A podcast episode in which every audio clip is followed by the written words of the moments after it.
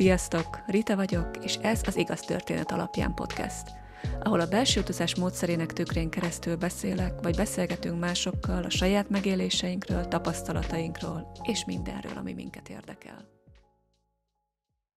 Ez az epizód egy éppen aktuális elakadásomból születik. Egy kicsit az elkerülési technikákról szeretnék mesélni. És természetesen úgy fogom ezt tenni, hogy a saját elkerülési technikáimat veszem most gorcső alá. És ennek egy része olyan, amivel éppen most is el vagyok merülve.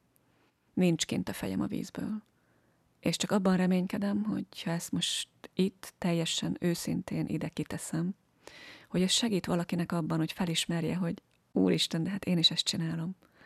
Vagy ha nem is konkrétan ezt, akkor egy pillanatra megáll, és csak végig gondolja azt, hogy talán nekem is vannak olyan technikáim, olyan elkerülési metódusaim, amiket még nem ismertem föl. Úgyhogy nézzük, hogy hova vezet ez a mai adás, mert őszinte akarok lenni, fogalmam nincs. Azt sem tudom, hogy lesz ennek klasszikusan eleje, közepe, vége, vagy ez most csak egy nagyon őszinte kitárulkozás lesz. Ami létrehozta a felszínen ezt a mai témát, az az, hogy amikor létrehoztam az Instagram profilomat, akkor szerettem volna ezt is egy játszótérnek tekinteni, megfogadni a saját tanácsomat, hogy nem kell mindent halálosan komolyan venni. És ha játszótérként tekintem, akkor elkezdek próbálkozni azzal, hogy mi izgat ebben, milyen témákat szeretnék kitenni, milyen posztokat. És ha körbenézek, akkor nagyon adja magát a téma, hogy az ilyen típusú profiloknál az emberek kitesznek idézeteket. Olyan idézeteket, amik valamit nekik adtak, vagy valamiért aktuálisak. És egy ideig fogalmam nem volt, hogy hogy vagyok ezekkel az idézetekkel. És um, egy kicsit az is elgondolkoztatott, hogy nem olyan rég egy barátnőm kért tőlem egy idézetet. Valami olyat, ami meghatározza az életemet, és én csípőből azt mondtam, hogy nincs ilyen. És ahogy megálltam, hogy oké, okay, mi van, hogyha nem zsigerből rányomok egy ilyen elutasító választ, hanem megállok, akkor rájöttem, hogy az elutasítás bennem annak szól, hogy nem szeretnék egy ilyen fellengzős idézettel azonosulni, ami nem igaz rám, mert hogy nem e szerint élem a mindennapjaimat. De ha ilyen nincsen, akkor meg milyen idézet van az életemben. Akkor egyébként az jutott eszembe, hogy de hát van egy dal, amit én nagyon régóta énekelek, vagy nagyon régóta hallgatok, és ami igenis meghatározza az életemet. Ez a dal, ami felnyitotta a szememet, hogy igenis vannak, vannak meghatározó mondatok az életemben. Ez a dal, ez a Break the Shell, majd beteszem ezt is a leírásba, hogyha valakit érdekel. És ennek a dalnak a teljes dalszövege olyan szinten érvényes rám a mai, illetve nem csak rám, olyan szinten érvényes és meghatározó számomra, hogy nem tudom, hogy lesz olyan, hogy azt mondom, hogy oké, okay, hát ezen most már túl vagyok, ez nem annyira érint meg. Ettől a szemtől a mai napig futkos a hideg a hátamon a létező legjobb értelemben. Amit én ebből a barátnőmnek kiemeltem, az az a mondat volt, hogy shadows make you whole. És én ezt úgy fordítom magamnak, nem tudom, hogy aki a, a dalszöveget írta, ő pontosan mire gondol, de számomra ez azt jelenti, hogy az árnyékok tesznek egészé. Azt tesz engem egészé, ha szembe merek nézni a nehézségeimmel, ha felmerem vállalni, ha kimerem mondani, hogy igen, mindenféle érzés jelen van bennem. Igen, vannak traumáim. Igen, van olyan, amin túl vagyok, és van olyan, amin nem vagyok túl. És hogy ezekkel együtt vagyok egész hogy ezeket nem lenyomom, hanem kiteszem, és most az mindegy, hogy egy podcastben teszem-e ki, vagy csak saját magam számára teszem láthatóvá, hogy a szemébe tudjak nézni. A lényeg az, hogy egész egyszerűen csak felismerem őket. És ahogy ez a szám engem tovább vezetett, hogy hm, tulajdonképpen lehet, hogy mégiscsak jól vagyok az idézetekkel. Tulajdonképpen van, hogy egy idézet elképesztő módon tud segíteni, és akkor én is kitehetek ilyen idézeteket. És rájöttem arra, hogy ez a könyv, amit éppen most olvasok, ami a Felszabadított Lélek című könyv, hát ebben azért elég meghatározó mondatok vannak. És ez most engem meghatároz, miért ne tehetném ki az Instagramomra. Úgyhogy kitettem azt a mondatot, hogy nem te vagy az elme hangja. Te vagy az, aki meghallja azt.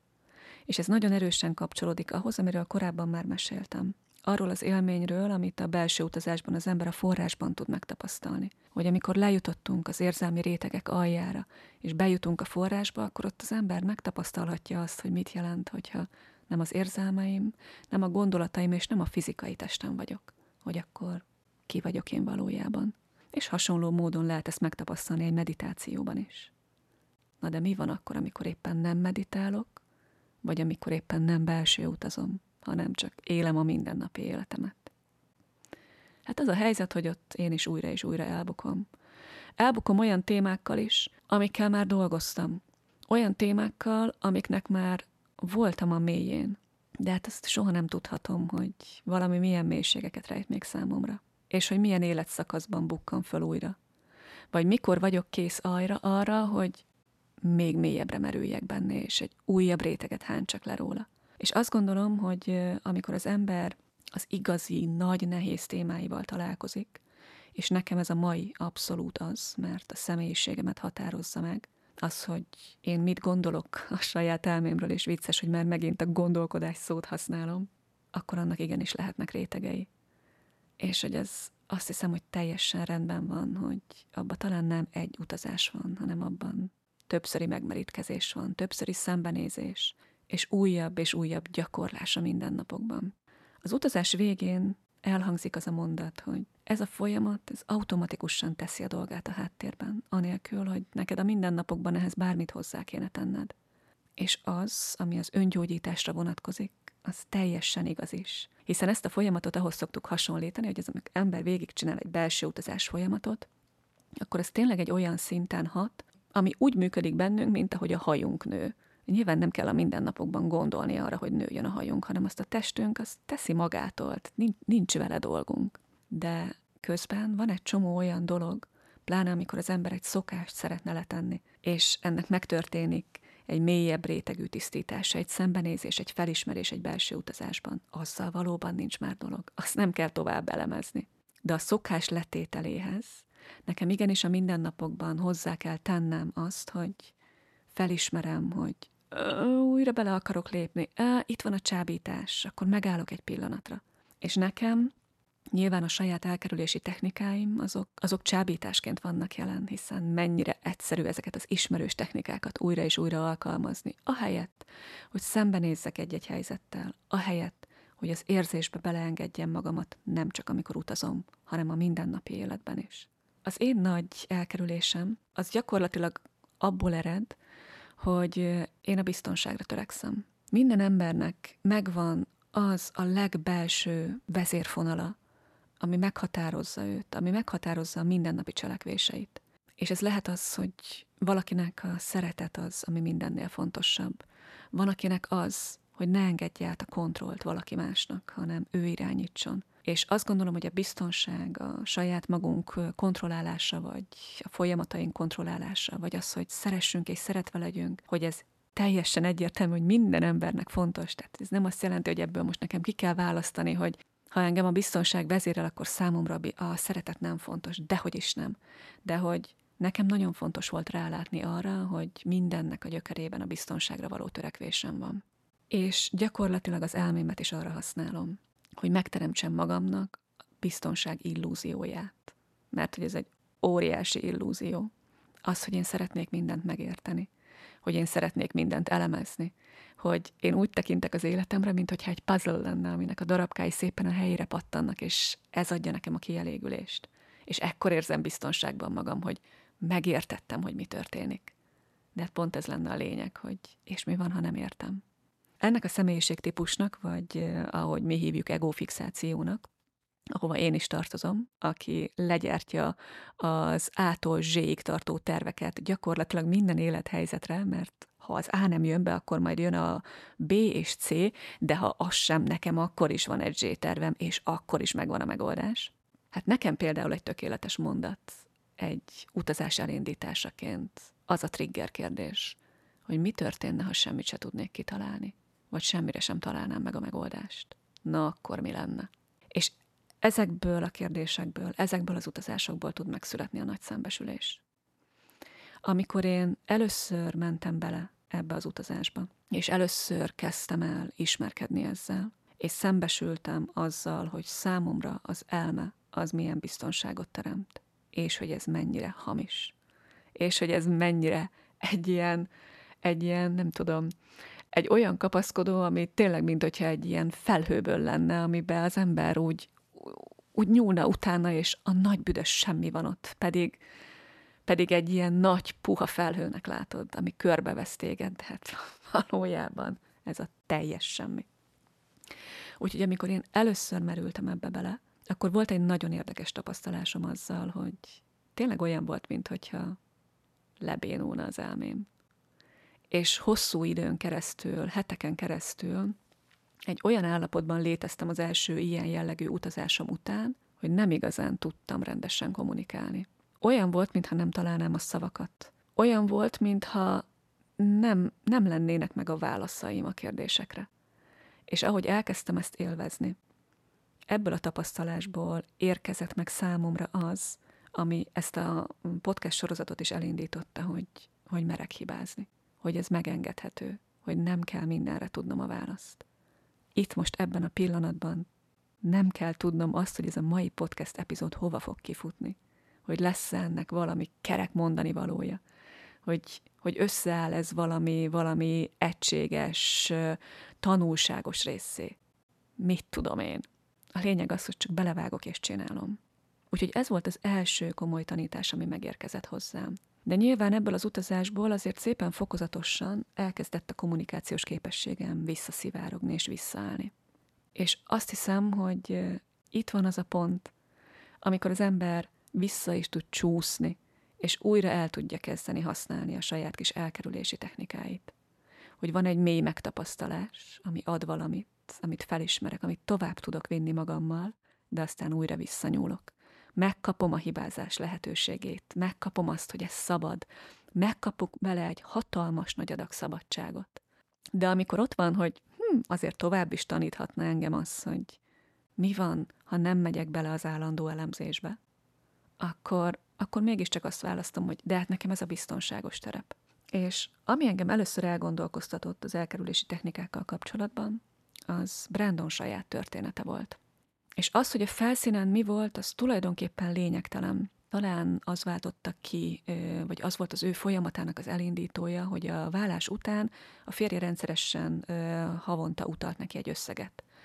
És egyszer csak a semmiből bekapcsolt benne az, hogy mi van, hogyha ez a csak nem érkezik meg, és akkor mi történik.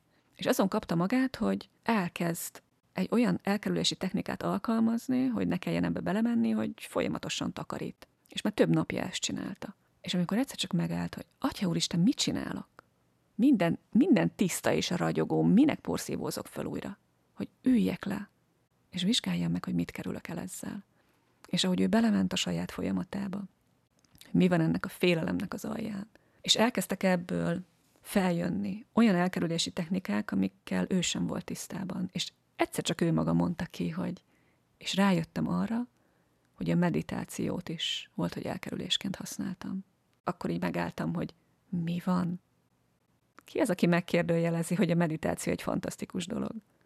Hogy lehetne ezt elkerülésként használni? Tehát, hogy ki, ki az, aki egy olyan szokásra, amiért az emberek nagyon sokat tesznek, hogy része legyen az életüknek. Hogy egyszer csak megállok, hogy mi van? Ez is csak egy elkerülés. És akkor döbbentem rá arra, hogy úristen, tehát, hogy itt olyan vakfoltjaink vannak, hogy ez valami egészen elképesztő. És amikor megértettem, hogy Brandon miről beszél, hogy én is használtam elkerülésként a meditációt. Én is használtam arra, hogy ne kelljen belemennem egy érzésbe. Ne kelljen megengednem, hanem ö, azt oda kihelyezem. És igen, azt gondolom, hogy nagyon nagy különbség van a között, hogy megfigyelek egy érzést. Tisztában vagyok vele, hogy én magam nem az az érzés vagyok. Csak átengedem magamon. És milyen, amikor elhatárolódom tőle olyan szinten, hogy eltolom magamtól. És ez is meg tud történni egy meditációban. És nem azt mondom, hogy a meditációnak ez a lényege. De én is használtam a meditációt olyan formán, amikor akkor még nem ismertem a transzcendentális meditációt, és a belső utazással sem találkoztam még. De amikor azt éreztem, hogy fú, ez most valami, valami nehéz érzés bennem, hogy akkor beraktam egy vezetett meditációt, és engedtem, hogy az kiráncson abból, amiben vagyok. És innen visszanézve tudom, hogy ezzel nem csináltam mást, mint ami gyakorlatilag egy sorozatot is berakhattam volna. Mert hogy egész egyszerűen csak el akartam távolodni onnan, ahol vagyok. Ahelyett, hogy megengedtem volna, hogy átfoljon rajtam, mert annyira félelmetes volt, hogy nem volt megengedhető. Úgyhogy igen, én is használtam meditációt elkerülési technika gyanánt. De hát azért nekem nem ez a fő technikám, hanem ahogy elkezdtem ezeket vizsgálgatni, és vannak olyan elkerülési technikáink, amik tök egyértelműek. Ha nem belső utazik az ember, akkor is megkérdőjelezhetetlen, hogy az indokolatlan csokoládé fogyasztás, hát az, az valami fajta pótcselekvés. Hogy a fölösleges dolgok vásárlása, hogy azt most már gyakorlatilag egyértelműen beleveszik a, az olyan öm, függőségek közé, mint a szerencsejáték függés, a kábítószer függés, a vásárlás függés. Ugyanúgy része ennek a felsorolásnak. Abban viszont a belső utazás segített, hogy elkezdjem megérteni, hogy mi van ezeknek a gyökerében. Az egyik olyan technika, amit alkalmazunk is egyébként utazások során, az az volt, amit például az evésre alkalmaztam. Ott vagyok abban a jelenetben, ahol én azt érzem, hogy na, most nyúlok rá egy tábla csokoládéra. És itt megállítom a filmet, és megnézem, hogy egy másodperccel azelőtt, hogy megszületik bennem a döntés, és elindulok a csokoládéért, hogy mi az az érzés, ami ott van. Mi az, amit szeretnék elkerülni. És nekem itt az elhagyatottság érzése jött. A visszautasítás. Az, ami, ami számomra egy, öh, megint csak, nagyon mélyen érinti a személyiségemet. Mert számomra a biztonság az a közösséghez való tartozás.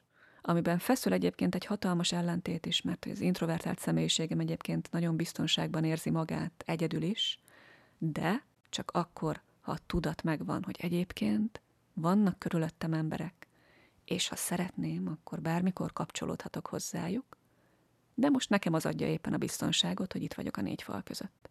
És ez a fajta visszautasítottság, ez megpiszkálja azt a félelmemet, hogy a közösség, ahova tartozni szeretnék, ami jelenti egyszer a családot, aztán jelenti egy másik szituációban a házasságomat, jelenti egy másik élethelyzetben a baráti kapcsolataimat, jelent egy osztályközösséget, jelent egy munkaközösséget, vagy bármit.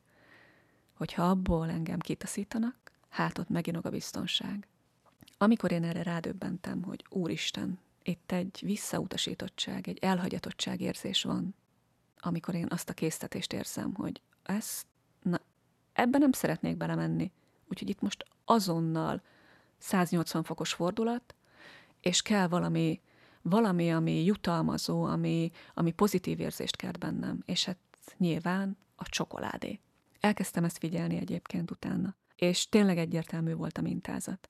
Ettől függetlenül a mai napig néha beleesem ebbe, de felismerem már, hogy oké, okay, tök egyértelmű. Ha a férjem éppen a saját kis idejét szeretné megélni, és valami olyan dologgal foglalkozni, ami csak őt szórakoztatja, és fél órára szeretne ebbe kikapcsolni. Én meg éppen kapcsolódni szeretnék hozzá, és szeretnék közösen, nem tudom, sétálni vele, beszélgetni vele, filmet nézni vele, tök mindegy. És őre nem nyitott. Abban a pillanatban bekapcsol bennem az, hogy engem elutasítottak. És ez Úristen, tehát, hogy, hogy ez hihetetlen magányosság érzés. És amikor nem akarok ebbe belemenni, akkor, mm, akkor jön az elkerülés. De abban a pillanatban, hogy megállok, és azt mondom, hogy ezt lehet, ezt lehet érezni. Igen, azt is tudom, hogy honnan jön. Akkor azt teszem észre, hogy hopp, ha ezt megengedem, akkor pár perc elteltével valahogy eltűnik az is, hogy én megegyek egy fél tábla csokoládét, vagy egy egész táblát. És hasonlóan voltam egyébként a vásárlással is. A vásárlás az egy kicsit trükkösebb dolog, azt hiszem, mert a vásárlást én egy nagyon kellemes emlékhez kötöm.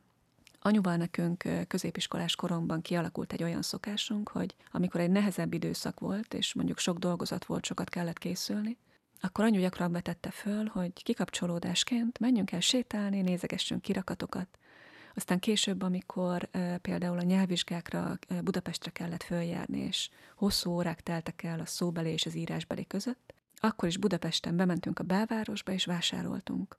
És bennem az az idő, amit anyuval együtt töltöttem, az összekötődött a vásárlással, és összemosódott a kettő. De hogy valójában nem a vásárlás adta a jó érzést, hanem az a minőségi idő, amit mi ketten töltöttünk, hogy ez egy anyalánya program volt, hogy ott volt az, ahol mi beszélgettünk egymással, ahol azt éreztem, hogy egymásra figyelünk. Sőt, azt éreztem, hogy anyu rám figyel, és hogy ez az én időm, ahol ha akarok mesélek, ha nem akarok nem mesélek. De nyilván azt hiszem, hogy ezek voltak azok, amikor én úgy szabadon meg tudtam nyílni, és el tudtam mondani, hogy mi van bennem. És hát ki, ki ne szeretne ragaszkodni ezekhez? Ki ne szeretné ezt újraélni, amikor figyelmet kap? Amikor valakivel úgy van kettesben, hogy az csak az övék az az idő. És hogyha ez egész egyszerűen összemosódik azzal, hogy közben mi ezt egy vásárlással kötjük össze, akkor ugyanúgy bekapcsol, amikor szeretnék kapcsolódni valakihez, amikor azt érzem, hogy szeretném megjutalmazni magamat, akkor bekapcsol ez, hogy hát akkor veszek valamit, kisebb, nagyobb dolgot, tök mindegy, egy apróságot, egy ruhát, akármit. Teljesen lényegtelen, hogy szükségem van rá vagy sem. Pedig valójában csak ezt a jó érzést keresem. Ezek azok az elkerülési technikáim, amik, amik nagyon egyértelműek amiben igazából csak arra volt szükség, hogy azt keressem meg, hogy mi az az érzés, amit elkerülök azért, hogy ezt csináljam. Ettől függetlenül nyilván a mai napigban, hogy ezeket megengedem magamnak, csak úgy érzem, hogy ezt valahogy sokkal egyszerűbb átlátni. Ami nekem nehezebb, amikor rájöttem arra, hogy a dolgok elemzését is elkerülésként használom. Ahelyett, hogy belemennék egy érzelembe, elkezdem megmagyarázni, hogy mi történik, vagy elkezdem azt figyelni, hogy ha engem egy mondat bánt, akkor azt figyelem, hogy de hogy az miért ebben az élethelyzetben jött, abból nekem mit kell megtanulnom, ahelyett, hogy egész egyszerűen csak megállnék, és hagynám, hogy átfoljon rajtam az érzés. És ma már nyilván ezt is tudom, hogy ez a fajta elemző elme is az egyik elkerülési stratégiám. De hogy közben meg azért az elmét az ember a mindennapi életben használja. Hisz azt hiszem, hogy senki számára nem kérdés, hogy ahhoz, hogy egy épkézláb mondatot az ember össze tudjon rakni, hogy bárkivel kommunikálni tudjunk, hogy egy csekket be lehessen fizetni. Bármi. Mindenhez szükség van erre az elmére, erre a megértésre, hogy átlássunk folyamatokat. Sőt, arra is szükségem van hozzá, hogy ezt a podcastet csinálni tudjam. És hogy ebben is gyakorlatilag a saját megfejtéseim vannak most még benne. Na de akkor mi ezzel a dolgom? Mi a fene van itt? mit szeretne tőlem ez a podcast akkor, amikor éppen azt érzem, hogy egy újabb rétegét szeretném lehántani annak, hogy ha nem az elmém vagyok, akkor ki vagyok, és mi dolgom ezzel.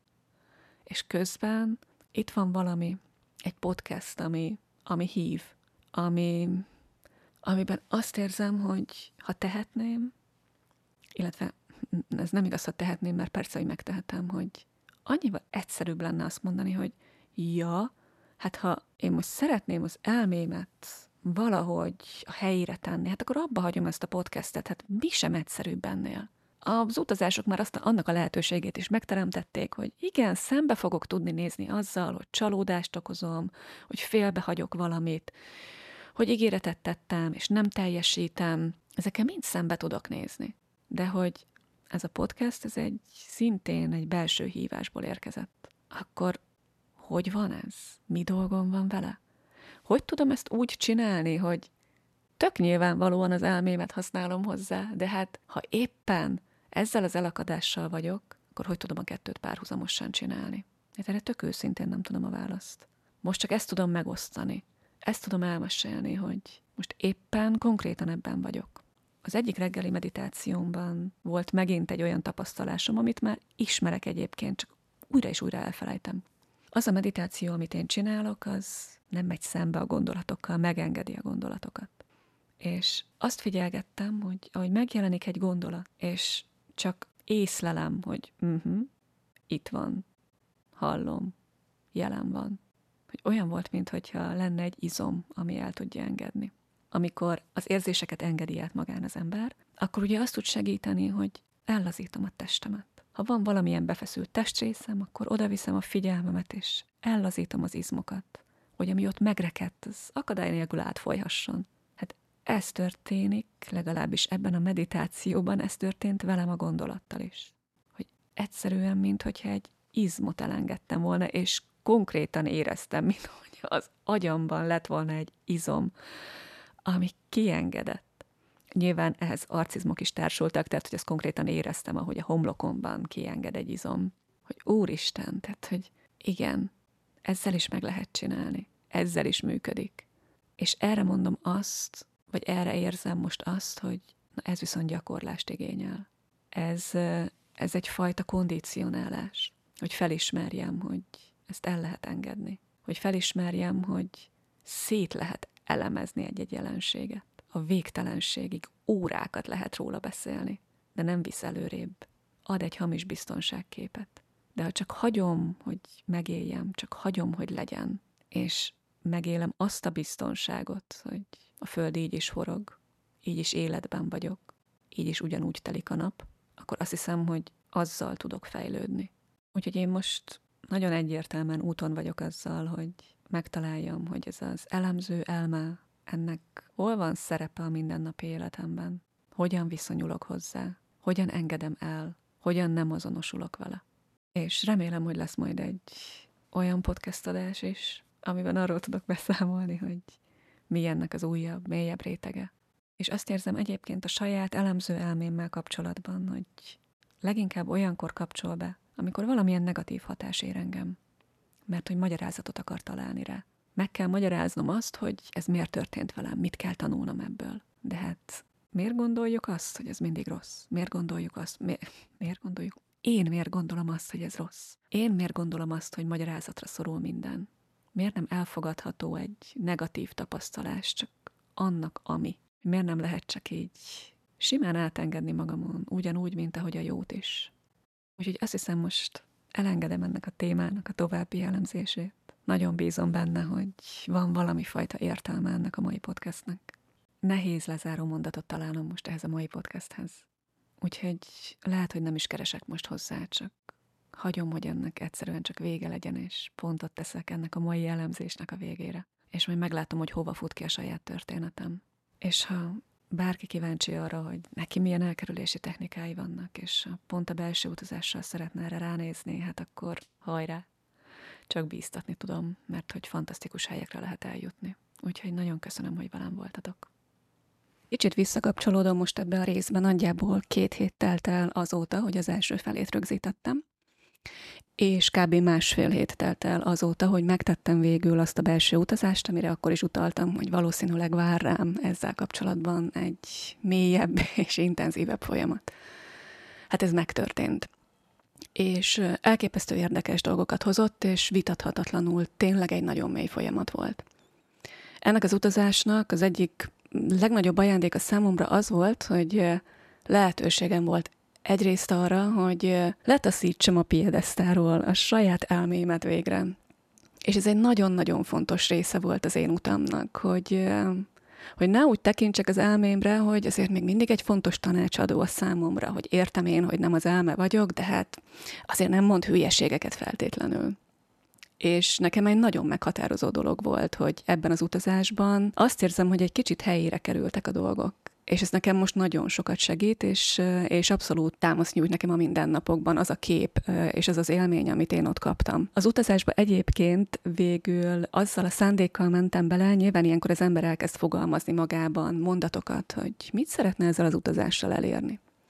És én is ezt tettem, de úgy éreztem, hogy valahogy nem, nem jön az igazi, nem jön az a mondat, ami nagyon őszintén belőlem jönne. És ez egy online utazás volt, úgyhogy webkamerával történt az egész folyamat, és amikor én bekapcsoltam a saját webkamerámat, akkor ugye megjelenik az én képem is a képernyőn, és valamiért egy olyan ruhát választottam, ami a webkamerán teljesen úgy nézett ki, mintha egy rabruhában lettem volna, egy ilyen vastag, fehér, szürke csíkos ruha volt. És ebben a pillanatban megérkezett a mondat, hogy az elmém börtönéből szeretnék kiszabadulni. És ez volt az az utazás, ahol én amellett, hogy, hogy letaszíthattam tényleg az elmémet erről a piedesztáról, de kaptam egy, egy olyan megélést, amit nem tudom, hogy hol van lehetősége az embernek máshol megélni. Nekem itt volt rá lehetőségem. Az utazásban eljött egy olyan pont, ahol olyan volt, mintha a kísérőm hangját úgy hallanám, ahogy még életemben emberi hangot nem hallottam. Ott nem tudtam megfogalmazni pontosan, hogy mi történik, csak később, amikor már szavaim voltak rá, egész egyszerűen minden hang megszűnt a fejemben. Minden háttérmunkálat, ami egyébként a mindennapokban ott zakatol bennem. És ennyire tisztán még soha senkit nem hallottam beszélni. Olyan elképesztő élmény volt, ami, amit tényleg nehéz szavakkal leírni, ez, ez klasszikusan az, amit az embernek megtapasztalnia kell, és hiába olvasok róla akárhány könyvet, tök mindegy, hogy hány videót nézek meg róla. Itt ami igazából ad, az, az az élő tapasztalás. És ez valami fantasztikus dolog volt.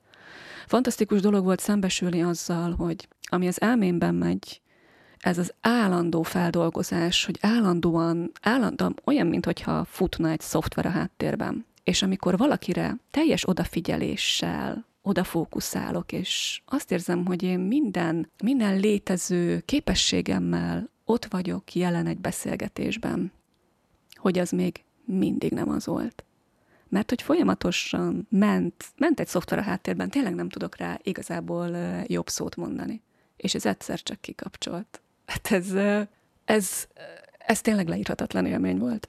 És miközben tökéletesen tudom, hogyha én ezt valakinek elmesélem, akár úgy is nézhet rám, hogy na hát azért tegyük tisztában, nem szakadt le a csillár ettől, tehát hogy nem arról számolok be éppen, hogy én egyik pillanatról a másikra valami, valami egészen makacs betegségből meggyógyultam volna, holott nyilván egyébként ilyenekre is van példa. De az én életemben ez mégis egy elképesztő áttörés volt utána is volt még lehetőségem ezt így nagyon intenzíven tapasztalni, mert rögtön az utazás után volt egy baráti beszélgetés, és ott is azt éreztem, hogy ez valami egészen más jelenlét, amivel én most itt vagyok, és hallgatom a többieket. És bár ők is belső utazás kísérők, de azt gondolom, hogy ha nem azok lettek volna, és valószínűleg érzékelhető lett volna a változás.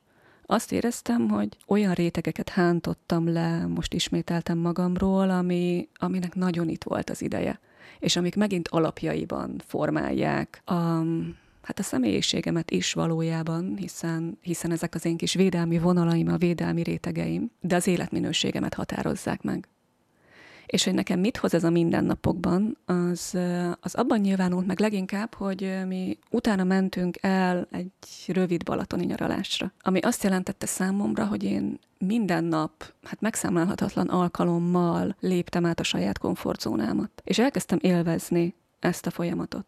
És elkezdtem figyelni, hogy oké, okay, Nyilván az elmén visszakapcsol, ez nem titok, erre, erre nekem most gyakorlatilag napi szinten oda kell figyelnem, illetve nem tudom, hogy kell-e figyelnem, de napi szinten odafigyelek rá, hogy újra és újra tetten érjem, hogy már megint mit művelsz, már megint hol keresel biztonságot, ahol nincsen. Most ezt is egy ilyen jelzőberendezésként használom. Nagyon jó volt megtapasztalni azt, hogy azok a szituációk, amikor egyébként az elmém azt mondaná, hogy ó, ó, vigyázz, ez nem biztonságos, ó, ó, vigyázz, inkább mondj nemet erre a programra, ó, ó, ez túl van azon, ahol te jól fogod érezni magadat. Most gyakorlatilag egy héten keresztül kicsit olyan voltam, mintha láttátok a, azt hiszem az Igen ember talán a film, ami ugye arról szól, hogy az ember elkezd mindenre igent mondani válogatás nélkül. Egy kicsit ilyen voltam most az elmúlt egy hétben. És elképesztően felszabadító volt, tehát hihetetlen élményeim voltak ezzel kapcsolatban, és természetesen jöttek nehéz élethelyzetek ebben az egy hétben. Tulajdonképpen volt egy olyan tapasztalásom is, ami, ami a pániknak és a rettegésnek egy, egy nagyon intenzív megélése, és ezt egyszer évekkel ezelőtt már tapasztaltam. Ez sosem otthon tör rám, illetve sose, ez most úgy beszélek róla, mint hogy ez rendszeres lenne az életemben, de hogy amikor először tapasztaltam, akkor is máshol aludtunk, és most sem otthon történt meg velem. Az első alkalommal nagyon megijedtem tőle. Leginkább a klaustrofóbiához tudnám hasonlítani. Az első alkalom nekem egy ilyen hihetetlen légszomjat hozott, és bezártság élményhez tudom leginkább hasonlítani azt, ami akkor történt. Ott minden eszközt megragadtam, hogy ebből kirántsam magam. Hogy lámpát kapcsolok, hogy kiugrom az ágyból, hogy kihúzom a függönyt, hogy ha kell, akkor kimegyek a levegőre, és nagyon fókuszálok arra, hogy a figyelmet valahova nagyon messzire eltereljem. Itt most ez abban volt nagyon más, hogy azt éreztem, hogy na most itt az idő, hogy ebből nem menekülök ki, hanem ezzel most szembenézek. És hazudnék, ha azt mondanám, hogy könnyű volt, de igazából egy-egy ilyen hullám szerintem 15-30 másodperc alatt átfutott rajtam, és három körben tért vissza. Tehát azt gondolom, hogy egyébként a teljes folyamat nagyjából 15 percet vett el az éjszakámból. Utólag éreztem azt, hogy ez egy ajándék volt. Ez egy lehetőség volt számomra, hogy oké, okay, az, ami ott van valahol lelakatolva egy doboz mélyén, hogy ahhoz most újra van hozzáférésem, és ehhez tudom, hogy ehhez ki kell mozdulni a komfortzónámból, mert nem véletlen, hogy ez az érzés nem tör rám otthon. De ha kimozdulok akkor ki tud szabadulni. És ha kiszabadul, az számomra azt jelenti, hogy átfolyik rajtam, és nem kell tovább tárolnom. És nagyon-nagyon örülök, hogy, hogy ez most történt meg. Azt gondolom, hogy van összefüggés azzal, hogy nagyon sok ponton léptem át a komfortzónámat, és hogy ez az utazás, ez nagyon-nagyon mély réteget érintett bennem, tehát hogy újra elérhetővé vált számomra ez a fajta érzés, ami a hétköznapokban azért nem tör rám, pláne nem ilyen intenzitással. És fogalmam nincs, hogy lesz-e még jelen a rettegés, mert ezt tényleg rettegésként tudnám leírni. A rettegés ilyen szinten jelen az életemben. Fogalmam nincs. De hogy megvan az a biztos tapasztalásom, hogyha igen, akkor itt vagyok, szembe tudok vele nézni 15 másodperc, és átfolyik rajtam, és lehet, hogy soha többet nem tér vissza, de hogy nem kell elmenekülnem előle, nem kell félnem tőle, mert hogy, mint a mellékelt ábra mutatja, itt vagyok. És emellett is jöttek még kisebb-nagyobb én ezt próbatételeknek szoktam egyébként nevezni, vagy életteszteknek szoktam nevezni, és ezt Brandon, aki ugye a módszert tanította nekünk, és aki a belső utazásnak a megalkotója, ezt sokszor elfelejtem, mert nekem annyira evidens, hogy Brandon Base az, akit ilyenkor emlegetni szoktam, de rá kellett jönnöm, hogy azért ezt a podcastet nem feltétlenül belső utazás kísérők hallgatják, és hogy lehet, hogy érdemes elmondani, hogy amikor Brandonként hivatkozok valakire, akkor ő valójában kicsoda. Szóval a módszer megalkotója is elmondta nekünk, hogy minél mélyebbre megy egy utazás, minél intenzívebb a folyamat, annál gyorsabban tud jönni ez az úgynevezett életteszt, amikor az ember belekerül egy olyan helyzetbe, hogy nézd, ezzel dolgoztál, ezt tisztítottad. Most itt a lehetőség, itt a választás, hogy visszalépsz a régi mintáidba, vagy most már felülírtad őket, és tudsz rajtuk változtatni, és lehetőséged van máshogy csinálni. Mm, de hogy egy kicsit kézzelfoghatóbbá tegyem ezt az egész utazást, amin én keresztül mentem, és azt, hogy ennek milyen hatása volt az életemre, hozok még egy példát, hogy ne csak ezt a pánikos, rettegős részt eh, tegyem ide mert el tudom képzelni, hogy ezzel vannak, akik esetleg nem tudnak mit kezdeni, és ez teljesen rendben van így. Még egy esemény ismétlődött meg egyébként. Tavaly is úgy jöttünk haza, hogy, hogy volt egy elég komoly probléma az autóval, és azonnal a szervizben kellett leadnunk az autónkat. És akkor én teljesen bepánikoltam, és bár az autószerelő azt javasolta, hogy nyugodtan menjünk haza, az a probléma, ami van, az valószínűleg ki fogja vérni Balatontól hazáig, de hogy én egy merő rettegés voltam, hogy mikor küld újabb, villogó, sípoló vörös jelzést az autó, hogy folyamatosan vizslattam, hogy hol lesz az, az úton valami olyan, olyan, ahol félre lehet állni, mikor érünk olyan szakaszra, amikor esély nincs félreállni az autóval, és hát itt pokol volt hazafele az út. Na hát ez nem ugyanaz a hiba, és nem ugyanazzal az autóval, de, de hogy ez ismételten megtörtént velünk ennek a nyaralásnak a végén. Konkrétan az történt, a férjem vezetett most is, és ugye az autópálya kellős közepén egyszer csak nem lehetett egyik sebességből a másikba átrakni az autót, sőt, semmilyen sebességben nem lehetett berakni az autót. És hát a helyzet az, hogy gyakorlatilag a púzusom sem emelkedett meg. Remélem ez nem azt jelenti, hogy szépen fokozatosan egy pszichopatává változom át, mert nekem ez egyébként valamelyik Hannibal filmből maradt meg, hogy a szoció meg pszichopatáknál szokták azt mondani, hogy gyakorlatilag nincs olyan életesemény, még egy gyilkosság sem, ami megemelni a pulzusokat.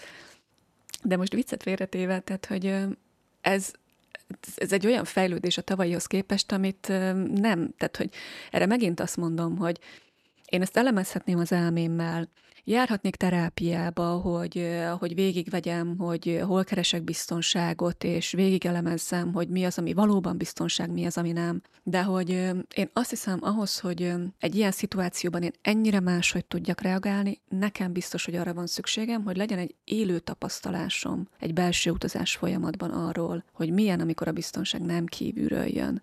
Milyen az, amikor egyszer csak teljes kus van a fejemben, és nem dobálja az elmém a vész megoldásokat, hanem jelen tudok lenni. És ez a jelenlét segített, vagy nem, illetve nem ez segített, de hogy ebben a jelenlétben tudtam megélni azt, hogy egyébként az autóban lévő lendület pont elvitt minket odáig, hogy volt egy lehajtó, le tudtunk jönni az autópályáról. És még az a helyzet is előállt, hogy a lehajtó az nem egy stop táblában végződött, ahogy szerintem ez gyakran megtörténik, hanem a stop tábla előtt volt egy kikanyarodási lehetőség egy benzinkúthoz. És én ezt olyan nyugodtan és olyan tisztán láttam, hogy nem, nem tudom, hogy valaha tapasztaltam-e ilyen nyugalmat az életemben. Utána is nyilván egyeztettünk autószerelővel, kerestük a megoldást, de hogy valahogy olyan könnyedén történt az egész, pedig ben ez augusztus 20-án történt, tehát hogy nyilván esély nem volt arra, hogy mi ott autószerelőhöz vigyük az autót. Még talán az is nehézkes lett volna, hogy egyáltalán trélert szerezzünk, amivel haza kell vinni, de hogy gyakorlatilag a probléma megoldódott ott a benzinkúton, és haza tudtunk jönni az autóval, úgy, hogy az autó úgy viselkedett, mintha soha semmi problémája nem lett volna. És én egész hazaúton annyira nyugodt voltam, és egy pillanatra nem jelent meg bennem, hogy úristen, figyeljem, hogy a férjem újra sebességbe tudja rakni az autót, vagy mikor jön elő újra ez a probléma, hogy, hogy ez, hát, hogy ez megint egy olyan, amit kell, kell, kell ennél fontosabb lépés az ember életében, mint hogy, mint hogy ekkora változás történjen egy éven belül nagyjából ugyanarra az élethelyzetre. Nekem, nekem nem.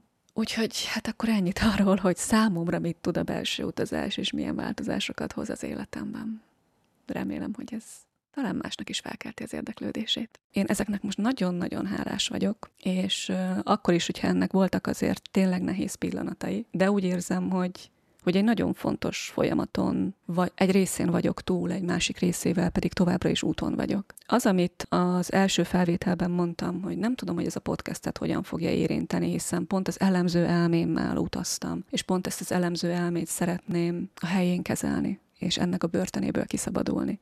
Erre most sem tudom a választ, fogalmam nincs, majd, majd hozzá az élet, majd alakul a dolog, de most is éppen itt beszélek róla. Úgyhogy elképzelhető, hogy a podcast nincs még veszélyben de mindegy is. A lényeg az, hogy szerettem volna ezt megosztani, hogy hogy egy ilyen szituációban mit tud hozni egy utazás. És tudom, hogy ez egy egyel elvontabb szituáció. Itt most nem arról van szó, hogy egy migrénes fejfájásra tettem egy belső utazást, és arról tudok beszámolni, hogy ez a migrénes fejfájás, ez felszívódott és eltűnt, és nem tért vissza. Hanem ez ez ezekhez a védelmi mechanizmusokhoz, a személyiségem alapjaihoz kapcsolódó utazás volt. És remélem, hogy, hogy akihez kell, ahhoz, ahhoz ezek a szavak most eljutnak, és, és akinek szüksége van rá, az, az tudni fogja, hogy mit kezdjen most ezzel a történettel. Nekem is vannak még benne egyébként homályos voltok, mert, mert ez tényleg komplex, és nagyon sok területen érinti az életemet. De azt érzem, hogy a szabadságnak egy újabb fokát tapasztalhatom ennek köszönhetően, és hát ennél mm, nem hiszem, hogy kell nagyobb ajándék, vagy számomra biztos, hogy nem kell fontosabb visszajelzés. Egyébként ennél az utazásnál is tapasztaltam azt, hogy egy ideig kerestem a helyemet, hogy hogy szólalok meg, hogy működöm társaságban, hogyan integrálódok vissza a mindennapi életembe. De ezt is megoldotta az élet, mert hogy rögtön az utazás után barátokkal töltöttük együtt az időt, úgyhogy nem volt más választásom, hiszen ha egy évben egyszer vagy kétszer tudunk találkozni, akkor mindent meg fogok tenni, hogy megtaláljam annak a módját, hogy mi könnyedén tudjunk együtt lenni. És az tény és való, hogy összehasonlítva a tavalyi ugyanilyen programmal, hát ezerszer nagyobb szabadságot tapasztaltam, és ezerszer nagyobb könnyedséget. Így zárom le most akkor végleg ezt a mostani podcast adást, és majd Gyanítom, hogy találkozunk egy következőben, hogy az milyen formában vagy hogy, azt még nem tudom, de majd mindannyian meglátjuk. Engem megtalálsz a benserita.hu weboldalon. Akkor is, ha utazni szeretnél és kísérőt keresel hozzá, nagyon szívesen kísérlek és akkor is érdemes ide ellátogatni, egy picit többet olvasnál a belső utazás módszeréről. A leírásba beteszek még hasznos linkeket, hogyha további részletek érdekelnek a témával kapcsolatban. És nagyon köszönöm, hogy velem tartottál. Várlak majd a legközelebbi adásban.